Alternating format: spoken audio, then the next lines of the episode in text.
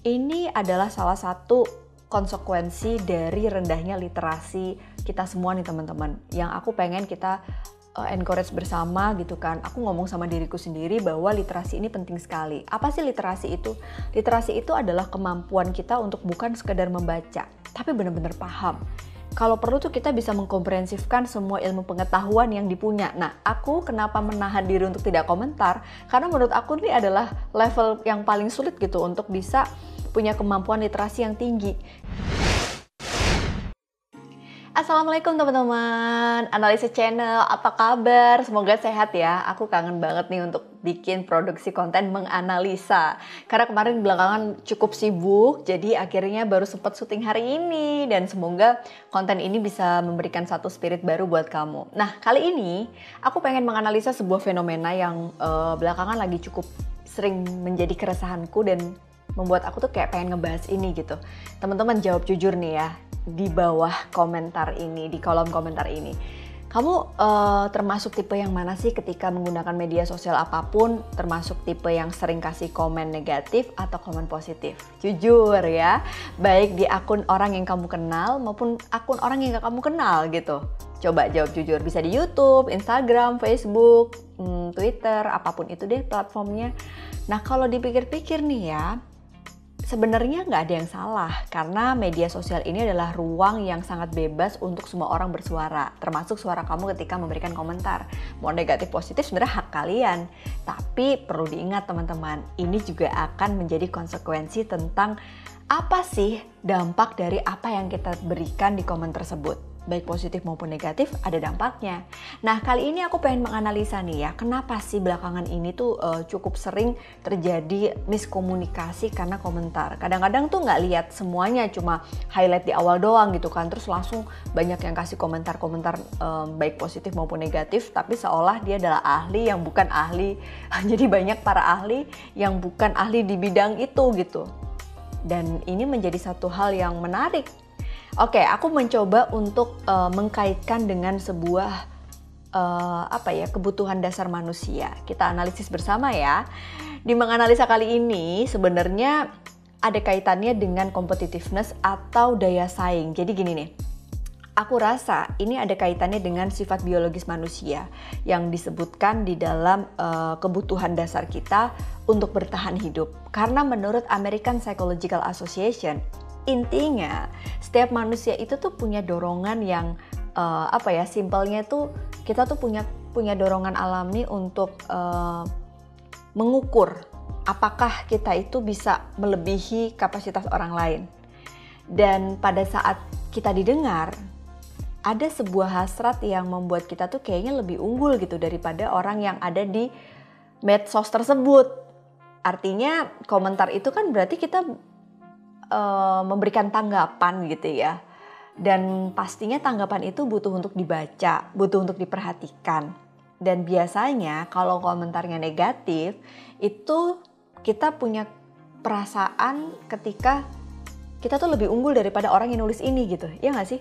Aku tuh kadang-kadang punya keinginan sama teman-teman ketika melihat postingan tertentu kok gini sih tapi akhirnya aku tahan lagi gitu kenapa bukannya aku nggak mau um, ini ya nggak mau apa ya istilahnya oh ini faking nih bukan tapi menurut aku ini bagian dari pengendalian diriku karena satu belum tentu aku ahli di bidang tersebut.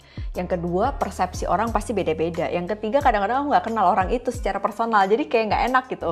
Yang kenal aja pikir-pikir gitu kan, enakan ngobrol langsung daripada di komen yang ada di medsos, apalagi yang nggak kenal gitu kan. Nah, kalau kita bicara tentang competitiveness sendiri, jadi menurut APA ini tuh kayak um, apa ya? Ada dua jenis di mana situasi yang diinginkan oleh seseorang pada saat dia merasa sukses ketika kinerja dia atau pendapat dia atau asumsi dia itu lebih baik daripada individu atau kelompok yang lain. Bisa jadi personal, bisa jadi ini kelompok ya. Misalnya nih, kita lagi mendukung um, politik gitu ya, kubu A. Tiba-tiba kita sebagai kubu B ngerasa kayak kubu A ini salah deh karena competitiveness kita, yaitu kita pengen lebih unggul daripada kelompok B, maka hasrat itu yang membuat kita tuh kayak bisa memberikan komentar apa pun gitu tanpa kita kita pikirkan dua kali. Nah, apa sih yang pengen aku coba untuk amati di sini? Ini adalah salah satu konsekuensi dari rendahnya literasi kita semua nih teman-teman. Yang aku pengen kita uh, encourage bersama gitu kan. Aku ngomong sama diriku sendiri bahwa literasi ini penting sekali. Apa sih literasi itu? Literasi itu adalah kemampuan kita untuk bukan sekedar membaca, tapi benar-benar paham kalau perlu tuh kita bisa mengkomprehensifkan semua ilmu pengetahuan yang dipunya. Nah, aku kenapa menahan diri untuk tidak komentar? Karena menurut aku ini adalah level yang paling sulit gitu untuk bisa punya kemampuan literasi yang tinggi. Kadang-kadang pemahaman kita belum tentu bisa komprehensif kan, makanya aku endapkan paling aku diskusi sama orang yang ada di sebelahku, misalnya sama suami atau sama uh, teman kantor, itu kayak lebih enak diskusinya nyata dibandingkan dengan apa yang aku harus tulis di komentar tersebut. Jadi pada saat literasi kita belum utuh, biasanya agak ada kesulitan untuk memiliki pandangan dan pemahaman yang utuh juga. Jadi akhirnya kita cenderung emosional dan impulsif untuk memberikan komentar tersebut. Nah, perlu diingat teman-teman bahwa semua yang kita unggah itu pasti akan ada tanggung jawabnya. At least kita hanya memberi komentar. Jadi pikirkan kembali konsekuensinya. Apakah kita sudah siap? Terus terang kalau aku sih kayak nggak siap gitu dengan punya konflik sama orang yang nggak kita kenal. Tapi kalau teman-teman siap silahkan. Nah, jangan pernah menjadikan uh, media sosial adalah panggung untuk kita berkompetisi secara bias. Maksudnya apa sih Mbak Analisa? Kompetisi ini tuh sebenarnya bagus teman-teman. Ya nggak ada yang salah ketika kita adu pendapat, diskusi. Bahkan ada penelitian yang menunjukkan bahwa ketika seseorang itu memiliki competitiveness yang tinggi, ini akan memunculkan inovasi dan kreativitas mereka. Tapi kalau ini di luar batas kemampuan diri kita, justru penelitian yang lain menyebutkan bahwa akan menyebabkan individu itu mengalami stres, depresi. Ini yang aku khawatir. Kalau teman-teman kayak uh, antara pemahaman kita tentang diri kita itu kan pasti pengennya kita lebih gitu kan. Ternyata di luar batas kemampuan kita loh untuk berpendapat di situ. Akhirnya membuat teman-teman justru semakin down setelah memberikan komentar. Itu kan yang bahaya. Belum lagi, apakah teman-teman pernah berempati memposisikan diri kalian menjadi orang yang punya akun tersebut? Bisa jadi mereka nggak siap atau membuat mereka down, membuat mereka akhirnya nggak percaya diri, untuk posting dan lain sebagainya kan kita ikut andil dalam proses pertumbuhan orang lain. Nah dari situ aku ngerasa uh, menarik nih apa yang disebutkan di goodtherapy.org di 2019. Ada beberapa faktor nih orang uh, memiliki competitiveness yang um, terlalu ekstrim gitu ya. Pertama, ini karena mereka mengukur harga dirinya atau self worth ketika mereka tuh membandingkan sama orang lain. Jadi pada saat teman-teman memberikan komentar, entah itu um, ya pastinya fokusnya ke kontra ya. Positif negatif itu persepsi kita, tapi kalau kalian counter tentang sesuatu di medsos, coba sadari apa sih yang kalian rasain? Apakah itu membuat kalian merasa harga dirinya lebih naik, lebih tinggi? Kalau iya, sadarilah bagaimana komentar kalian. Jangan sampai komentar itu justru menjatuhkan orang lain atau menjatuhkan diri kalian sendiri. Ya, jadi sadari. Ini penting banget. Kenapa? Karena kalau kita memberikan self worth kita hanya ada di dalam dunia maya, khawatirnya di dalam dunia nyata, teman-teman jadi bias. Contoh, kalian didengar, dapat likes dari komen tersebut, dapat perhatian dari netizen yang lain. Tapi di dalam dunia nyata ternyata kalian nggak dapat itu. Apa yang terjadi? kalian sulit untuk hidup di dalam dunia nyata. Kalau satu-satunya yang dijadikan patokan bahwa self worth itu ketika ada satu gejolak competitiveness waktu memberikan komen tersebut. Yang kedua, kompetisi yang diikuti adalah sesuatu yang penting untuk diri kalian nih. Jadi misalnya gini nih ya, pada saat kalian itu punya profesi tertentu, terus kalian melihat akun dari medsos profesi yang sama. Nah, pada saat kalian melihat bahwa, wah ini aku bisa kelihatan lebih keren nih daripada si dia karena profesi kita sama. Hati-hati teman-teman. Dengan cara ini kita justru akan menjatuhkan kita sendiri, bukan lawan bicara kita atau bukan lawan uh, yang lagi kita tuju gitu. Kenapa? Karena bisa jadi justru kita akan apa ya uh, menunjukkan kelemahan kita pada saat kita menjatuhkan orang lain dan itu kita nggak sadar loh jadi sadarilah bahwa penonton atau audiens itu akan menilai, mereka akan melihat gitu. Dan kalau kalian uh, menjadikan patokan sukses, berhasil atau tidak dari sebuah platform media sosial, ini yang akan membuat teman-teman jadi punya kompetitif yang tidak sehat.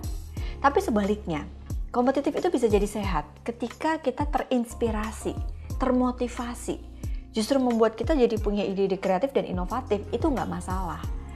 Nah, maka dari itu, tahan diri kita pada saat ingin memberikan sebuah komentar yang kontra. Kalaupun iya, coba pikirkan deh kalimatnya, dibaca ulang, dipahami, nyambung gak sama postingan sebelumnya. Jangan-jangan kita yang gagal paham lagi. Itu perlu loh, kita kayak rethinking gitu. Kita memikirkan ulang, jangan sampai bahwa competitiveness kita yang nggak kita sadari justru akan membuat diri kita semakin stres dan mengarah pada depresi. Oke, jadi kalau sekarang teman-teman punya dorongan untuk uh, bisa terkenal, bisa dapat panggung, please deh coba dengan cara yang sehat.